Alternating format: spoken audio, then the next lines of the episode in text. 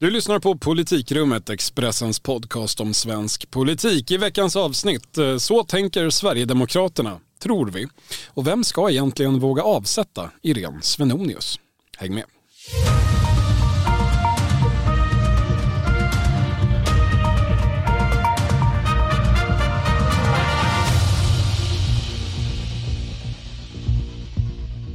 Det är tisdag den 11 oktober. Klockan är strax efter 13 och politikrummet sammanträder idag under lite speciella omständigheter. Ulf Kristersson ska slutrapportera till talmannen om mindre än ett dygn och vi vet inte riktigt var svensk politik befinner sig när du lyssnar på det här. Men du är dig lik i alla fall, Thomas Nordenskjöld. Hej! Hej! Ja, men det är speciellt helt klart. Alltså, vi vet ju att partiledarna har suttit instängda på ett slott utanför Västerås eh, under helgen och efter den. Och man kunde skymta Ebba Busch i någon bil och de andra också tror jag. Jag har inte själv varit ute där. Då menar vi alltså de högerledarna som inblandade i Ulf Kristerssons regeringsförhandlingar. Ja. inte, inte något allmänt Stjärnorna på slottet med Nooshi Dadgostar. Och, nej, nej. Så, och, eh, nej, men vi, och vi vet ju också att det är ett väldigt tryck på de här att komma överens och nå ett resultat. Alltså särskilt på Moderaterna och Ulf Kristersson. Ja, vi ska inte gå in allt för djupt i olika spekulationer. Det kan som sagt ha klarnat eller blivit fullständigt oklart lagom till att ni lyssnar på det här. Men det har idag gått eh, exakt en månad sedan valet och när den nygamle talmannen var på plats så bad Ulf Kristersson om två veckor för att samordna sitt tilltänkta regeringsunderlag. Och imorgon onsdag så har två veckor gått. Ja men så är det. Alltså, några som hela tiden tycks ha varit eh, övertygade om att det här ska gå vägen för Kristersson är ju faktiskt Socialdemokraterna. När jag sprang på eh, med flera av de här avgående S-statsråden eh, ja, i samband med riksdagens öppnande där för några veckor sedan, då var ju alla helt övertygade om att det skulle bli klart redan samma vecka och, och de såg ju väldigt frågande ut när man förklarade för dem och sa att nej men det tror jag nog inte alls det. Folk höll på att rensa sina byrålådor för fullt och så tjänstemän har sagt upp sig och sökt Ja det lät lite och... som att de ville veta om de kunde göra några kul planer i helgen nästan. Ja, men lite den känslan och jag sprang även på Magdalena Andersson här om veckan som stod utanför riksdagen där på bron mellan riksdagen och Gamla stan och spanade upp mot det som ska bli hennes nya rum i riksdagen och hon stod och muttrade över att det var för mycket insyn och annat. Det, ja, det tycks som att de har trott på Kristerssons tal om att det här var ganska klappat och klart. Man kan förstås invända att någon vecka hit eller dit kanske inte är eh, rätt fokus i sammanhanget. Att det finns skäl att backa ett, tag, eh, eller backa ett steg ska säga, och ta in någon slags helhet här. Att det som pågår, vad det nu är, som ändå huvudscenariot är att det slutade i något, att det är ganska historiskt. Ja, nej, men det är ju väldigt spännande och, alltså, och för svensk politik ett avgörande ögonblick det här tycker jag man måste konstatera. Alltså det finns ju och har funnits ganska många idéer och förhoppningar om vad det här höga projektet ska bli eh, under ganska många år. Men, men det är först nu som det tar form. Ja, alltså det har ju varit väldigt uppenbart hela vägen in i valrörelsen att där den ene ser en liberal borgerlig regering så ser den andra framväxten av ett konservativt block. Mm. Eh, och det här handlar ju inte bara om en strid om varumärket utan det speglar ju någonting, alltså att det finns två huvudperspektiv eh, på vad det här ska vara. Eh, det är en motsättning som har funnits med egentligen så länge som tankar om ett eventuellt samarbete mellan de borgerliga partierna och Sverigedemokraterna har funnits i debatten i svensk politik. Ja. Ja. Jo men så är det ju. Alltså, och, och, ja, eller åtminstone sen Fredrik Reinfeldt gick under jorden och lämnade svensk politik för åtta år sedan ja, för att inte väl... dyka upp igen. Nej, och det var väl då de här tankarna började vädras på olika håll. Och en linje eh, som vi väl kan kalla Gunnar Hökmark-linjen, mm. utan att han är här och kan försvara sig, utgår ju från att Sverigedemokraterna är ett ekonomiskt borgerligt parti och att det, det här som pågår nu då bara är en naturlig fortsättning på tidigare borgerliga regeringsbildningar. Den andra linjen, eh, den lite mer samtida, eller hur man ska uttrycka saken. Samt, mer samtida än Gunnar Hökmark. Ja, men den, den som är kanske lite något mer, något nyare perspektivet, om vi säger så. Den ser ju någonting annat och eftersträvansvärt i detta, alltså någon form av konservativ kulturrevolution om man ska hårdra det. Vi kan kalla det för Ivar Arpi-linjen, utan att han heller är här och kan försvara sig. Vad man ser eh, beror nog i hög grad på om man har den ekonomiska höger-vänsterskalan eller den så kallade Galtan-skalan, alltså något slags sociokulturell eh, eh, skala högst upp i sitt eget huvud. Mm. Och det kan ju förstås ligga något i bägge de här perspektiven men de kan inte vara helt sanna samtidigt tänker jag. Nej men så är det ju. Alltså, ett möjligt sidospår här. Jag hörde Magdalena Andersson eh, på en pressträff eh, förklara alla världens samhällsproblem, nästan i alla fall, med, haft, med att vi har haft en höga majoritet i Sveriges riksdag i 16 år, alltså sedan 2006. Alltså det uttalandet får man väl ta för vad det är. Men, hon säger, men det hon säger om majoritetsförhållandena är ju faktiskt korrekt. Alltså Sverige har ju styrts av socialdemokratiska regeringar de senaste åtta åren, men eh, det har varit en majoritet till höger i svensk politik. Men, men nu ska ju den här majoriteten, alltså för första gången gången försöka ta över makten och, och, och styra landet. Och, eh, på så sätt är ju det här verkligen ett historiskt ögonblick som har potential att forma eh, svensk politik för, för lång tid. Ja, där får man ju ändå säga att eh, både Magdalena Andersson och du utgår ganska hårt från just den ekonomiska synen på höger och vänster, eller den ekonomistiska synen. Syn Hökmark kan man säga. Sverigedemokraterna är ju inte här och kan försvara sin syn på vad som är vänster och höger som eh, man hade sagt i public service. Nej, eh, men det, det, man annars lås av här tycker jag är ju hur, liksom, hur komplicerade eh, alltså hur komplicerad den här processen varit, alltså de här förhandlingarna. Alltså det, de jag har pratat med som haft inblick i förhandlingarna, direkt inblick, beskriver ju då hur man började med det enkla, eh, men hur det nu på slutet, så sent som i fredags när jag pratade med folk och eh, man fortfarande svarar i telefon och innan man hade hunnit låsa in sig på det där slottet eller hur det nu var, satt kvar med, med liksom stora svåra frågor kvar att lösa med bara ett par dagar kvar.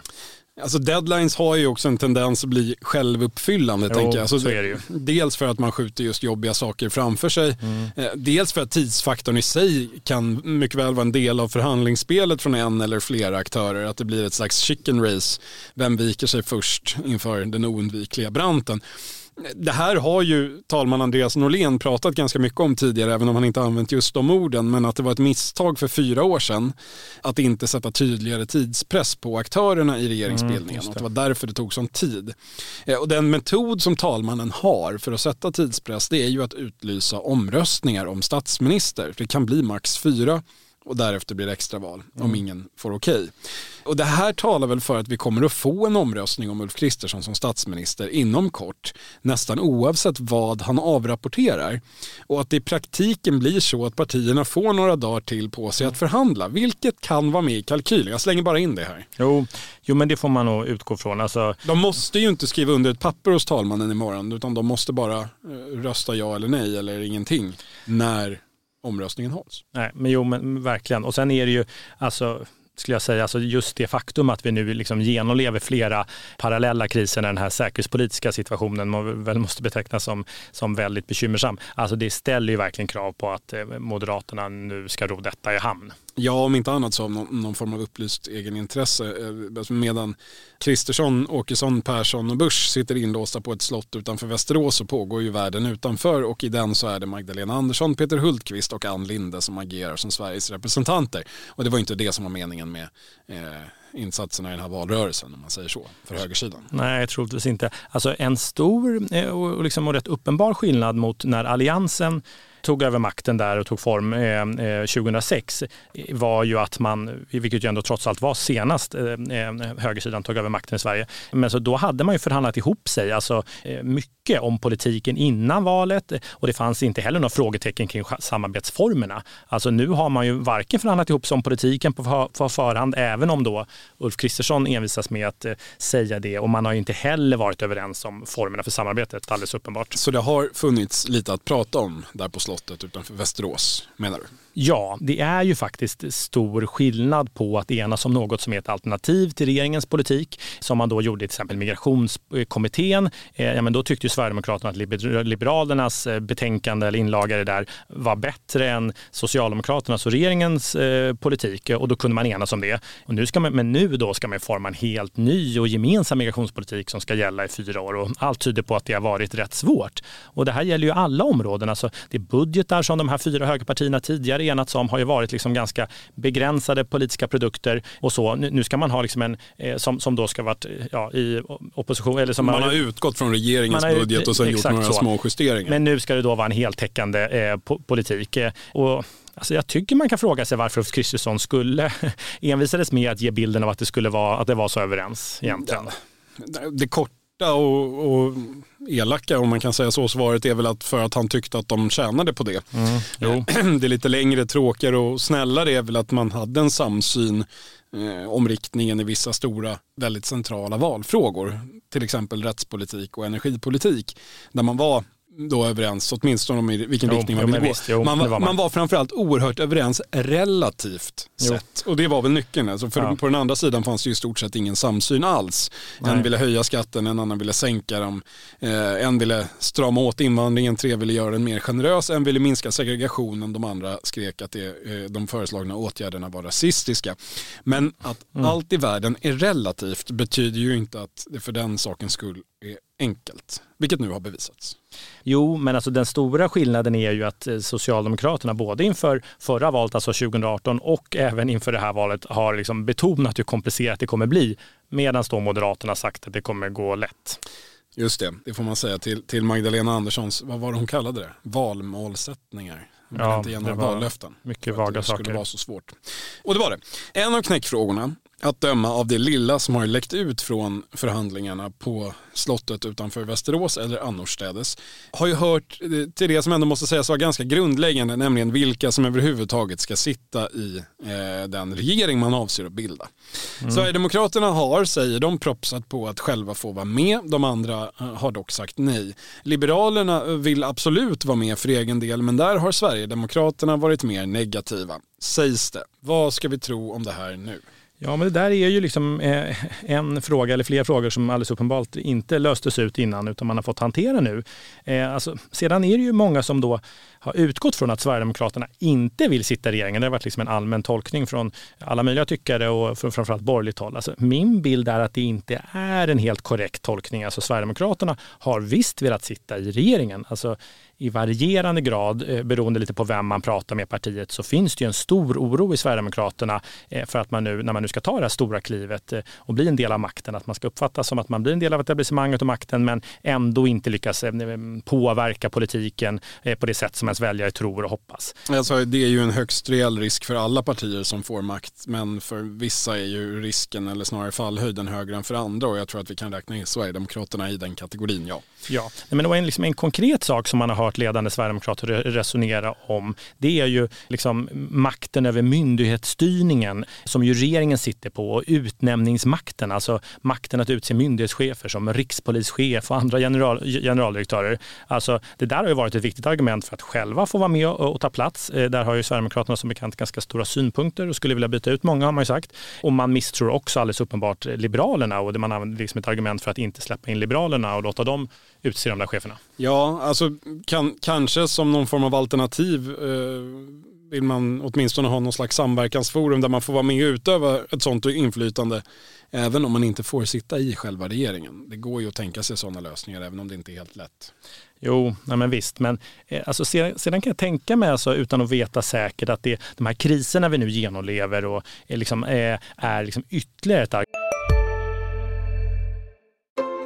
Just nu pågår vår stora season sale med fantastiska priser på möbler och inredning. Passa på att fynda till hemmets alla rum, inne som ute, senast den 6 maj. Gör dig redo för sommar. Välkommen till Mio. CSRD, ännu en förkortning som väcker känslor hos företagare. Men lugn, våra rådgivare här på PWC har koll på det som din verksamhet berörs av. Från hållbarhetslösningar och nya regelverk till affärsutveckling och ansvarsfulla AI-strategier. Välkommen till PWC argument eh, för att vara med i regeringen. Alltså det är ju regeringen eh, och statsministern, statsråden som hanterar dem och syns eh, medan man som då stödparti, även om man har 20 procent, hamnar rätt mycket vid sidan av och, och liksom inte blir en del av, av allt det här som debatten och nyheterna kretsar kring. Nej, precis. Och här finns ju också ett lite mer krasst opinionsvaltaktiskt perspektiv, vad man nu vill kalla det. Alltså den, den konventionella visdomen säger ju att det kostar att sitta i regering och man gynnas av att stå utanför. Men de senaste åren indikerar ju faktiskt motsatsen. Om man tittar på pandemin, där stödet för Socialdemokraterna rusade och sjönk egentligen aldrig tillbaka när pandemin tog slut heller. Obs, nu säger eh, säkert någon där ute att pandemin är inte alls slut. Och, nej, visserligen, men den är slut i svensk politik, så var det sagt. Nu är det ju kris oavbrutet och de mm. blir bara värre och värre. Och det är klart att eh, det är lätt att hamna offside som stödparti då, även visuellt och kanske till och med i opinionsmätningen om man inte passar sig. Ja, Fråga miljöpartisterna. Nej, men det, det brukar ju vara gynnsamt att få stå där eh, under svenska fanor och samla nationen. Alltså, Stefan Löfvens förtroendesiffror gick ju från ändå rätt usla får man säga till riktigt bra eh, på några få månader när coronan kom. Och så finns förstås X-faktorn i alla svenska eh, val nu för tiden, nämligen Danmark. Ja. Nej, men, eh, liten överdrift kanske, men eh, det här hör ändå till saken under hela Sverigedemokraternas framväxt så har de haft en stor förebild i eh, det danska systerpartiet Dansk Folkeparti. De slog igenom betydligt tidigare. De såg också ut att ha hittat en perfekt modell eh, där de utgjorde stödparti till borgerliga regeringar mellan 2001, 2011 och sen även mellan eh, 2015 och 2019. De hade ett stort inflytande och drabbades inte av väljarnas trötthet på det sätt som regeringspartierna gjorde. Men det ser inte ut så längre. Valet 2015 i Danmark framhålls gärna av moderater som ett fantastiskt exempel. Det var nämligen så att eh, motsvarande parti för Moderaterna sett, Venstre i Danmark, de bildade regering på 19,5 procent medan Dansk Folkeparti blev stödparti på 21. Känns relationen igen? Ja, väldigt mycket. Det påminner väldigt mycket om Moderaterna och Sverigedemokraterna i det här valet i mm. Sverige. Och det gick utmärkt tycker Moderaterna. Sverigedemokraterna ser däremot någonting annat. Dansk Folkeparti eh, valde själva, de ville inte vara med i regeringen och drabbades av en svekdebatt. Eh, det var inte bara den som eh, eh gjorde detta, men i valet efter 2019 så hade man inte längre några 21 procent utan man hade 8. Och när Danmark går till val nu den 1 november i höst så balanserar Dansk Folkeparti på 2% spärren till Folketinget. Jo, det är sant. Så har skett. Mm. Och det är, det är en fascinerande historia med såklart jättemånga olika förklaringsmodeller. Men i den banala, det banala utifrån perspektivet. Dansk Folkeparti var en förebild för Sverigedemokraterna. Man ville göra som dem det mm. man då ville göra, du frågar Sverigedemokraterna för fem år sedan vad de såg framför sig, så hade de nog garanterat varit mer positiva till mm. modellen med stödparti än vad de är nu när de har sett detta hända. Men alltså, alltså jag tycker hela den här regeringsbildningen har ju präglats av en väldigt stor osäkerhet om hur, hur, hur Sverigedemokraterna kommer agera, vad som driver dem. Alltså det är tydligt tycker jag när man pratat med ledande moderater under den här processen. Om de ska, liksom, som man hoppas från borgerligt håll, eh, vill, liksom vilja visa att de tar ansvar och är ett seriöst eh, regeringsdugligt parti så, det är det man hoppas från, från borgerligt håll. Eller om det är andra saker som, som, eh, som driver dem, vad, vad nu det kan vara, men stora politiska segrar och annat. Ja, det är ju visserligen svårt att visa sig helt regeringsduglig om man inte får vara med och regera, men eh, vi får se. Och ganska snart förmodligen.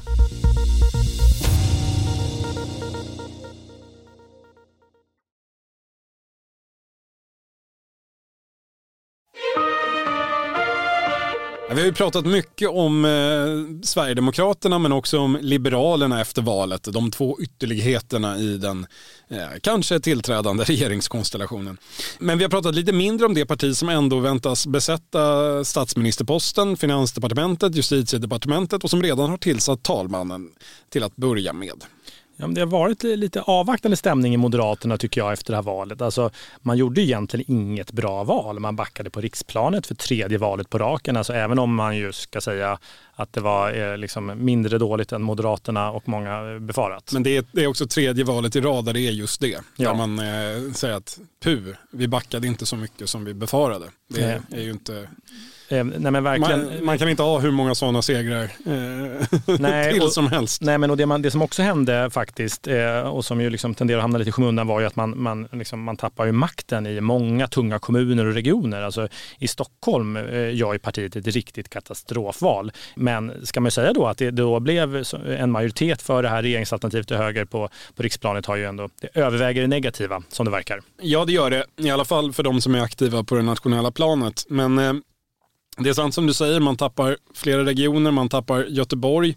Men valet i Stockholm blir ju en särskilt bedrövlig historia för Moderaterna på lokal nivå. På, på riksnivå höll man siffrorna uppe lite bättre än befarat vilket bidrog till segern men på lokal nivå är det katastrof. Alltså man förlorar ett moderat skyltfönster som Solna, man förlorar en stor kommun som Huddinge, man förlorar framförallt makten i Stockholms stad där en knapp tiondel av landets invånare bor. Mm. Där bildar eh, Socialdemokraterna, Vänsterpartiet och Miljöpartiet av allt att döma en styrande majoritet tillsammans. Moderaterna ser också ut att förlora Region Stockholm, landets näst största parlament med en fjärdedel av svenska folket eh, under sig efter 16 år vid makten. Det går att fortsätta men bilden är rätt klar. Ja, och i Stockholm då, Stockholm var ju får man ju säga, rätt blott fram till för inte så himla länge sedan. Ja, det, det, det, har skett ett fall från en väldigt hög höjd och det har skett successivt ska vi säga. Men det är i det här valet som maktförhållandena verkligen skiftar ja. på väldigt många håll. Ja, och i, i Stockholms stad då så börjar det hända lite saker nu. Anna König Järlemyr som varit finansborgarråd i Stockholm, hon var ju väldigt snabb med att skjuta ut sig, ut sig själv efter det här valet. Hon har ju också varit rätt ifrågasatt internt eh, ganska länge ska man säga. Men nu börjar det röra på sig lite där kring vem som ska ta över. Ja, så långt är vi med. Alltså, om någon stockholmare har hunnit lägga namnet eh, Anna König Hjelmyr på minnet så är det nu dags att glömma bort det. Men vem ska ta sig an denna knepiga uppgift då i ett till synes hopplöst lokalparlamentariskt läge? Ja, nej, men det handlar om ett antal namn. Alltså på måndag redan, så vad jag förstår, så kommer vi veta det. Och jag kan tänka mig att det eh, kan kanske klarna redan mot slutet av den här. Alltså, eh, det är flera namn som nämns. Ett när man bara har koll på är Dennis Vedin som varit bostads och eh, fastighetsborgarråd. Han tillhör egentligen fel sida om man nu ser till hur staden, att då staden anses vara styrd av Johan Forsell och den grupperingen i partiet då, Dennis Vedin, ja det är den här gamla grupperingen pojkarna, flickorna. Det, det, skulle behöva en, en ja. särskild särskild poddserie eh, om tio avsnitt, ja, två timmar ja. för att reda ut det där. Eh, men vi, vi, vi, vi konstaterar att det finns en falangstrid. Ja, men och det man kan säga då, det man kan säga då är i och för sig att Dennis Vedin inte anses ha varit särskilt drivande i den här konflikten, i alla fall inte under senare år. Och det beskrivs också som att han har en god relation till Johan Forsell. Eh, och Johan Forsell då, som är ordförande i Stockholm och som är mest känd för sina utspel kring brottsligheten på, i rikspolitiken, nämns ju också här som ett namn, men han vill ju såklart bli minister. Och blir han inte det så kanske, men jag tror inte det. Det vore onekligen ett eh, prestigemässigt i alla fall nerköp för Johan Forsell att gå från att stå i Aktuellt varannan kväll och prata om valets största fråga, alltså brottsligheten, till att försöka tjata in sina oppositionella klagomål i mitt i Vasastan, mm. vilket är ungefär vad man får göra. Ja. Om man blir ledande politiker i stadshuset. Även om jag som gammal kommunreporter i just Stockholms stadshus har full respekt för den verksamhet. Att eh, eh men då kan jag glädja mig, då kan jag glädja mig att det finns fler spännande kandidater här. Ja. För det, ett annat namn som nämns, som en del hoppas och drömmer om, är Benjamin Dosa, nuvarande Timråchefen, tidigare MUF-ordförande. Han skulle sannolikt ha goda chanser om han vill. Mindre troligt kanske att han vill det. Sedan nämns Kristoffer Fjellner av flera, oh. Koffe som han kallas internt. Han anses ha rätt, ja, men liksom rätt ljusblå liberal profil för Stockholm. Och det här är alltså EU-parlamentariker för Moderaterna under många herrans år. Ja, Kristoffer Fjellner. 2004-2019. Ja, men som liksom, jag vet inte klart vad han har gjort de senaste åren. Eh, han sitter Nej. där i styrelsen i Stockholm. Men, men han ledde Ulf Kristerssons idéprogramsgrupp. Ah, mm, okay. Det var kanske inget heltidsarbete, även om det blev ett ganska Nej. långt program. Men han, liksom, han, två år på sig. han anses vara redo i alla fall för en politisk comeback. Eh, eh, sen eh, skulle han även kunna vara aktuell, han nämns som aktuell även som partisekreterare. Det ska man också välja ny nu eftersom Gunnar Strömmer av allt att döma kommer att bli justitieminister, inte Johan Forssell. Eh, så. Men andra då skakar mer på huvudet när det gäller Kristoffer Fjellner och säger att han alltid nämns, vilket han faktiskt gör eh, när det spekuleras om namn. Så. men ja, vi får väl se. Annars han då, nämns alltid men får inget. Ja, eh, precis så. Mm. Eh, så. Men nu säger alla att det är dags. Eh, så. Vi får se. Eh, nej, men annars är ytterligare namn som nämns Andrea Hedin, inget känt namn utanför Stockholmspolitiken kanske, men hon är andra vice ordförande i Stockholms stad och för Moderaterna och har stått Anna König Jerlemyr väldigt nära. Eh, dock ingen kanske merit i det här sammanhanget Nej, verkar det som. Det. Eh, hon anses vara väldigt förknippad med de här stridigheterna då och ett rätt då kontroversiellt namn. Hon då, om Dennis Vedin är på den ena sidan så är hon på den andra. Så. Men andra namn man bara koll på Kristoffer Tamsons eh, eh, namn nämns ju också. Eh, trafiklandstingsråd eh, i den avgående styret i regionen. Ja. Han är nog mer aktuell eh, tror jag för, för regionen eh, så, än, än staden kanske. Ja, Tamsons var ju under Fredrik Reinfeldts inledande år med och ja, formade nya Moderaterna, var talskrivare bland annat hos Reinfeldt, numera mm. mest känd för sin militanta kamp mot fuskåkning i kollektivtrafiken i Stockholm. En spännande och ja, dynamisk politisk profil får vi kalla honom. Men det blir onekligen en utmaning vem det än blir. Ja, och, och när det gäller då Stockholm så noterar jag också att det börjar skapa viss nervositet i leden att Irene Svenonius då, som har varit, eh, eh ja vad säger man, region... Finansregionråd, motsvarande statsminister. Eller Mälardrottningen som en del moderater envist försökt döpa henne till vid, vid något tillfälle. Jag, har, jag vet inte om det är någon annan som har tagit det där till sig. Jag brukar använda det ibland, jag tycker det är kul. Jag, min känsla är att du använder det lite ironiskt ibland. Det är nog mer relevant i Moderaternas inre stridigheter ja. än i någon väljaropinion. Alltså många års kritisk debatt om Stockholms sjukvård har väl satt vissa spår i hennes personliga popularitetssiffror. Ja, och hon har i alla fall inte då tillkännagett sin avgång och det börjar göra folk i partiet rätt nervösa. Alltså hon anser sig ha varit ett enormt sänke eh, och hon, hon var ju inget eh, affischnamn i valet direkt. Eh, hon, jag såg en valaffisch. Just det, du hade det. Ja, det var så. Jag såg inte någon, men det eh, hur som helst. Men, eh, eh, så. men hon, hon anses ju också då eh, med fog ha varit, eh, liksom, ha varit och är en väldigt stark maktspelare internt. Alltså hon var ju drivande i den här grupperingen som avsatte Anna Kinberg Batra, allmänt känt. Eh, alltså folk har en väldig respekt för henne och, och, det verkar inte riktigt som att någon vill hålla yxan. Då riskerar man att råka illa ut själv, verkar analysen vara. Då kan man få sin politiska karriär uppspikad på en påle utanför landstingshuset eller något. Ungefär så. Men alla då, oavsett vilken sida man står på i, i de här interna stridigheterna i partiet, så tycks alla rörande överens om en sak och det är att Irene Svenonius måste flytta på sig. Sen förklarar en del hennes fortsatta, att hon fortfarande syns där i, i landstingshuset där i Stockholm, att eh, eh, relationen, hennes relation till, till Centerpartiet i regionen sägs vara bra och att hon då eh, finns förhoppningar om att hon skulle på något sätt försöka få Centerpartisterna att inte börja samarbeta med Socialdemokraterna i regionen. Vi får väl se hur det går. Ja, en sak kan vi säga. Skulle Irene Svenonius på något sätt lyckas regera vidare med det valresultat som finns i Region Stockholm, då är det nog bara för oppositionen, väljaropinionen och interna kritiker att kapitulera. För då går det inte att avsätta henne. Då är hon faktiskt Mälardrottningen på livstid. Det får man verkligen ge henne i så fall. Ja, spännande frågor återstår att reda ut, men här får vi dra streck för idag. Politikrummet är tillbaka om en vecka, den 18 oktober. Då kan vi ha en ny regering. Eller så har vi inte det. Den som lever och lyssnar får se, men tack för idag Thomas Nordenskjöld. Tackar. Och tack till er som har lyssnat. Ha en fin vecka. Hej.